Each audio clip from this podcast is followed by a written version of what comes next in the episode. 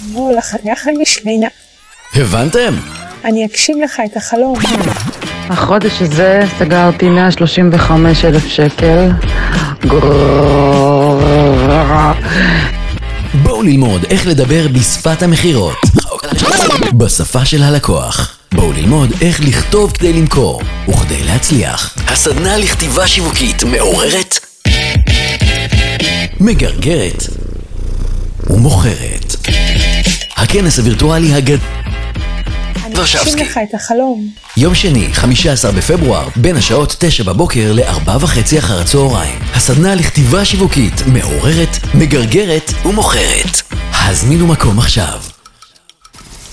אז שלום, ברוכים הבאים, מה שלומכם לפרק נוסף של כתיבה שיווקית מעוררת, מגרגרת, ובטח ובטח גם יודעת, ומוכרת. ונמצא איתי כאן המלך והאגדה. תגיד שלום. היי.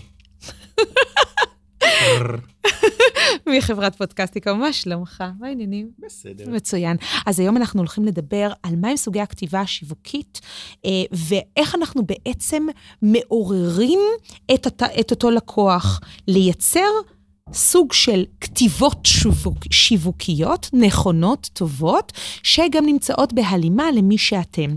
עכשיו אנחנו הולכים לפרק את זה לפרגמנטים. למה לפרק את זה לפרגמנטים? כי יש לנו בעצם הבנה שכל סגנון, כפי שאמרתי, ו... אה, עידו ישים כאן את הלינק אה, לפרק הקודם, שזה הפרק אה, שמדבר על סוגי סגנונות התקשורת השונים, ומה מדבר לכל בן אדם. אז היום אנחנו הולכים בעצם לקחת לעומק את התהליך הזה, ולדבר על סוגים שונים. יש ארבעה סוגים, אני לא אלאה אתכם בשבעת אלפים סוגים, ניקח את ארבעת הסגנונות הפופולריים ביותר לכתיבה מערכתית. שוב, אתם יכולים לקחת מודלי השראה גם מ-ynet, גם מאתרי, מאתרים צהובים ואתרי פוליטיקה, שיכולים לעזור לכם להסתכל על זווית ראייה אחרת, למה כותרות באמת עובדות ואילו כותרות באמת עובדות. אז בואו נסדר את זה קודם כל, להבין מהם סוגי הכתיבה השיווקית הנכונה. אז יש ארבעה סוגים עיקריים שרוב אה, החדשות וערוצי הרדיו מעוררים אותנו. ומגרגרים אותנו להיות בשלב הבא, כלומר ללחוץ על הלינק, או להישאר בצפייה מרותקת ככה בכורסה שלנו להמשך הכתבה, והמטרה שלכם בעצם זה לקחת מהגדולים במשק, שזה החדשות והרדיו והטלוויזיה, לראות איך אנחנו לוקחים נקודה קטנה בתוך המערכת הזאת ולוקחים את זה אלינו. אז יש ארבעה סוגים של כתיבה שיווקית. אנחנו הולכים לתת את ארבעת הסוגים הללו בצורה דידקטית, ועם זאת, אתם תוכלו לקחת ולהיות ממש חזקים ואיתניים עם ביטחון מלא באיך אתם יוצרים כתיבה נכונה. אז המיתוס הראשון הוא בעצם מחלקת מיתוסים בעם. מחלקת ה... האהבה האינסופית שלי למיתולוגיה יוונית, או בכלל מיתוסים שהיו קיימים בעבר.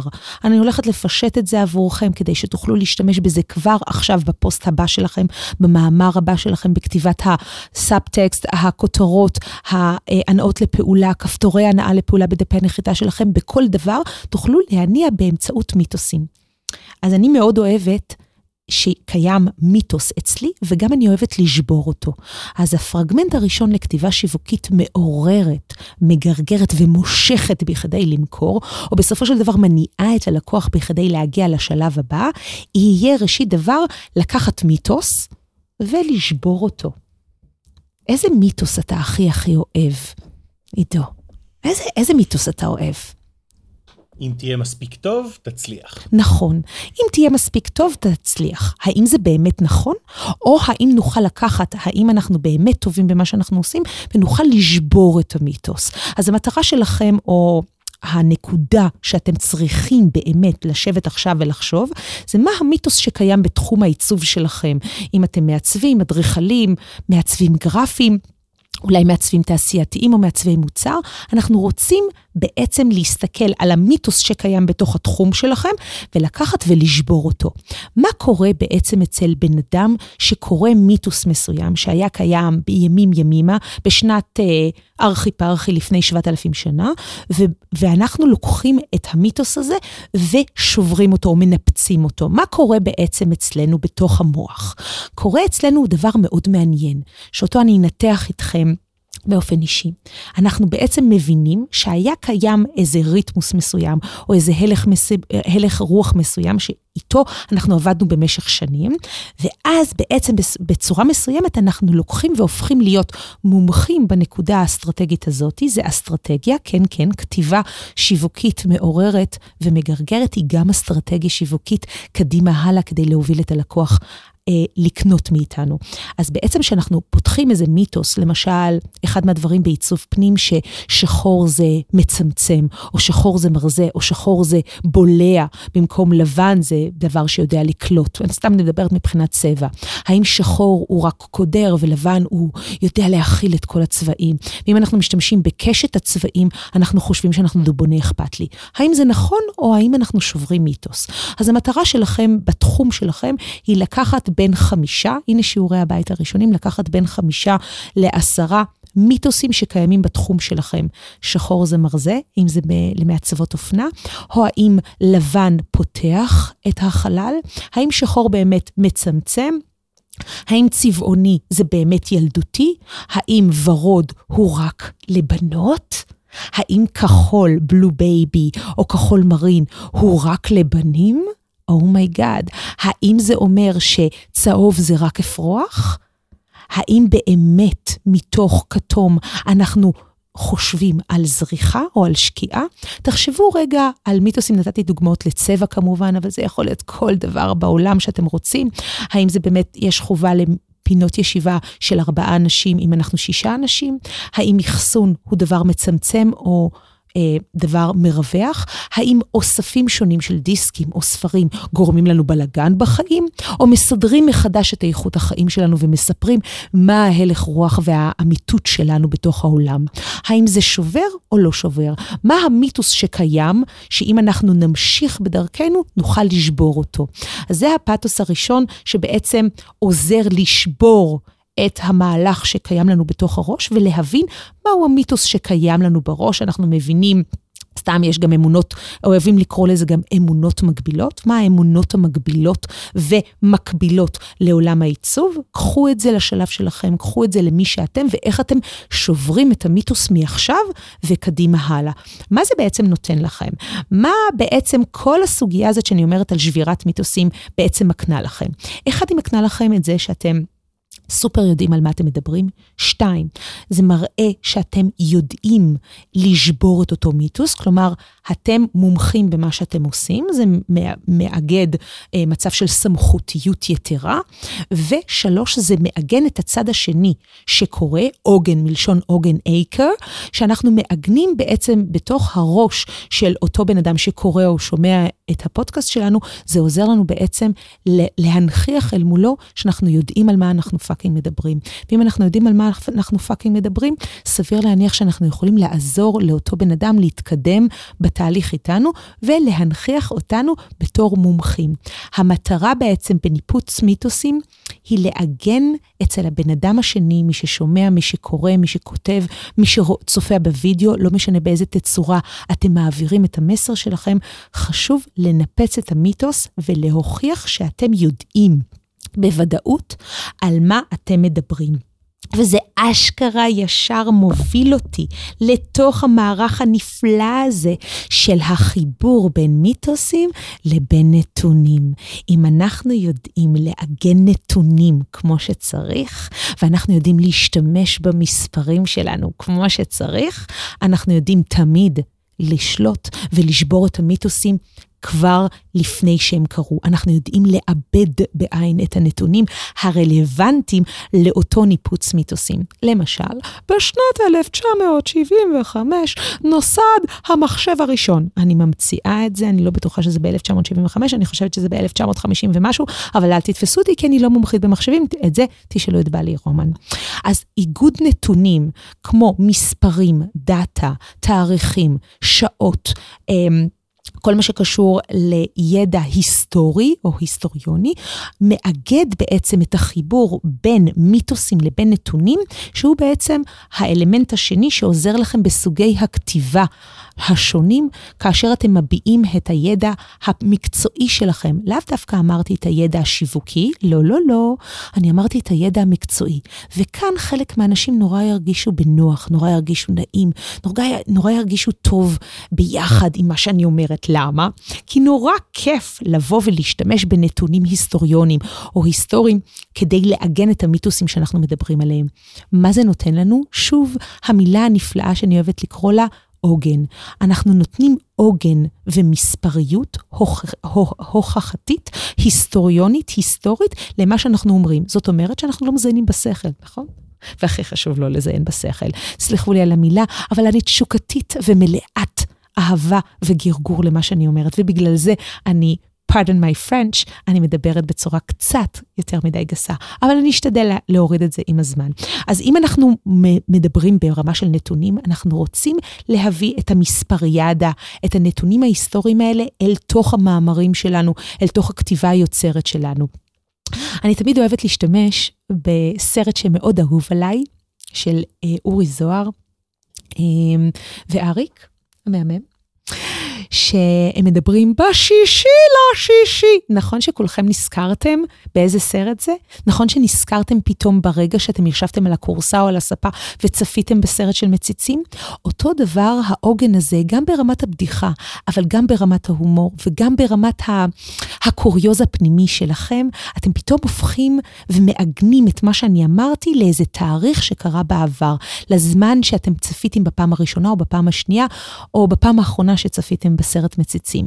זה נתן לכם עוגן, עוגן מנטלי, שפתאום נוצרת לכם איזו בבואה מסוימת של מה אתם הרגשתם, או מה אתם חשבתם שראיתם את סרט מציצים. ובטח ובטח לנקודה הזאת שאני אמרתי, השישי לשישי. מה זה נותן לכם? זה נותן בעצם לכולנו עוגן מנטלי ומעגן אותנו למספר. כאשר אנחנו מעוגנים למספר או לדטה שהוא מה שנקרא עובדה קיימת, ולא ניתן להתווכח על זה, כמו מחר בבוקר יהיה בוקר, ומחר בערב יהיה ערב, ובבוקר יש שמש, ובערב יש, ובלילה יש ירח. זה נתון שאנחנו לא יכולים להתווכח איתו.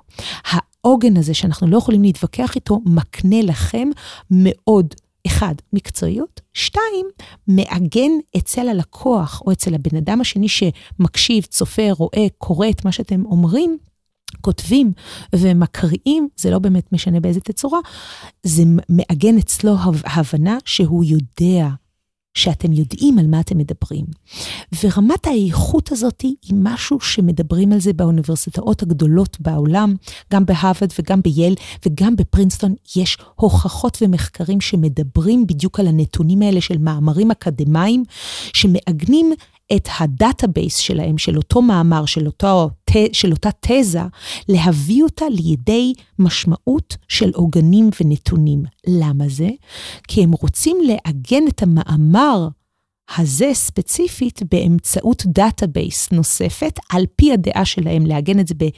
אה, בוא נגיד, במעטפת בבלית, שנותנת סמכות סמכותיות ובר סמכה או בר קיימא לאותו מאמר או לאותה טענה או לאותו שבירת מיתוס או מיתוס שקיים.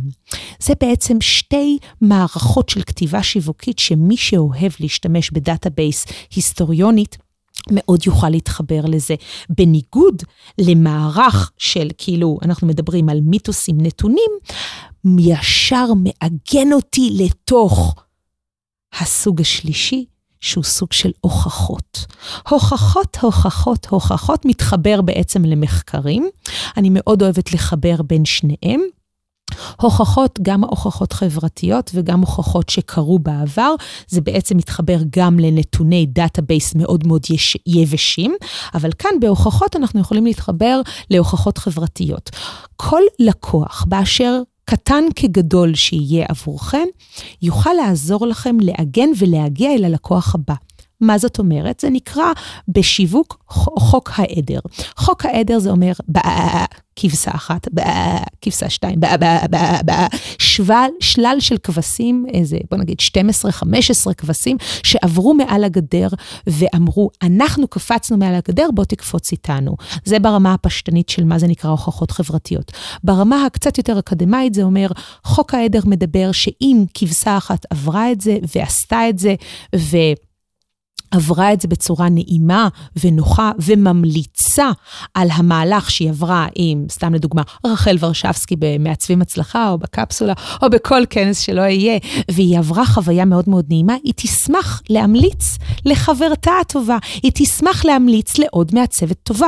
זה נקרא חוק העדר או הוכחה חברתית. אנחנו רוצים בעצם, במושג השלישי של זה, זה נקרא לקוחות ממליצים. אנחנו רוצים לקחת את הלקוחות הממליצים הללו ואנחנו רוצים לעגן אותם כמה שיותר בתוך הכתיבה השיווקית שלנו, בתוך הטקסטים השיווקיים שלנו, כגון, זה מזכיר לי ששולה תמיד אמרה לי שאני אדריכלית מאוד מאוד מאוד טובה, אבל עם זאת, היא הרגישה מאוד בטוחה. בטוחה במהלך, בטוחה בתהליך, בטוחה שאני אעצב לה את הבית כי בדיוק, אבל בדיוק כפי שהיא רצתה. זה מעגן את שולה ואת משה לקחת ולהמליץ עליי ללקוחות הבאים. אני נותנת את זה בתור דוגמה, כי שולה ומשה, אתם מכירים אותם מהפודקאסטים שלי, הם לקוחות אמיתיים, שכל אחד מהם מאוד מאוד חשש להתקדם איתי בתהליך. אבל שהבאתי את פנינה ויהודה, שהם עוד לקוחות שלי, זה מאוד עזר לשולה ומשה להתקדם איתי בתהליך. מה זה נותן? עוגן, עוגן מנטלי, עוגן רגשי, עוגן פיזיולוגי, שאני יודעת מה שאני עושה, ובטח ובטח שאני יכולה להרגיש נינוחה, והלקוח יכול להרגיש הרבה יותר נינוח איתנו. וזה המהות של אחד מהסוגים של כתיבה שיווקית, אתם יכולים לכתוב את זה בפוסטים, זה עובד יופי טופי כמו קסם עם נצנוץ כוכבים. הפואנטה הרביעית של כתיבה שיווקית, או האנקדוטה הרביעית עבורכם בכתיבה, היא לקחת ממש מחקרים אקדמיים, מחקרים אקדמיים. שוב, אני מדברת מפקולטות גדולות, אוניברסיטה העברית, טכניון, בצלאל, ולקחת מערכות של מחקרים שמודיעים או מגלים או חושפים משהו בתוך תזה כלשהי או בתוך היפותזה כלשהי, לקחת ו... לתאר אותה מחדש בשפה שלכם. במחקר של XYZ נוצר מערך של ABC, ואני מסיקה F, FXZ, לא משנה מה, מתוך אותו מחקר. מה המחקר הזה בעצם עוזר לי להבין וגם ללקוח? עוזר לי להבין שלמשל, אני יודעת וקוראת מאמרים. שתיים, אני מחננת את, את הנקודה הזאת שאני מומחית במה שאני אה, עושה. והדבר הנוסף, ה... מה שנקרא אוצו לטאבל, שזה מתחת לשולחן בצרפתית, זה מעגן אצל הלקוח הפוטנציאלי שלי, או אצל כל קורא פוטנציאלי, שאני לא סתם בלונדינית מטולטלת וחמודה, אלא אני גם יודעת על מה אני מדברת. אני, יש לי מחקרים ומאמרים שמעגנים את אותה כתיבה. כשכתבתי את הספר שלי, הנוסחה לעיצוב, שנמכרת בסטימצקי ובצומת ספרים למי שרוצה, ואני אשים פה את הלינק גם למי שרוצה לקנות את זה ישירות ממני. כתבתי שיש מחקרים רבים שמדברים על הארגונומיה של, של uh, הבן אדם ואיך הוא מתנהל בחלל. זה לאו דווקא שאני קראתי 7,000 ספרים, אני קראתי 3-4 ספרים ועוד 2-3 מחקרים באנגלית ועוד איזה אחד בצרפתית, שמדבר על חיים באמצעות ארגונומיה נכונה.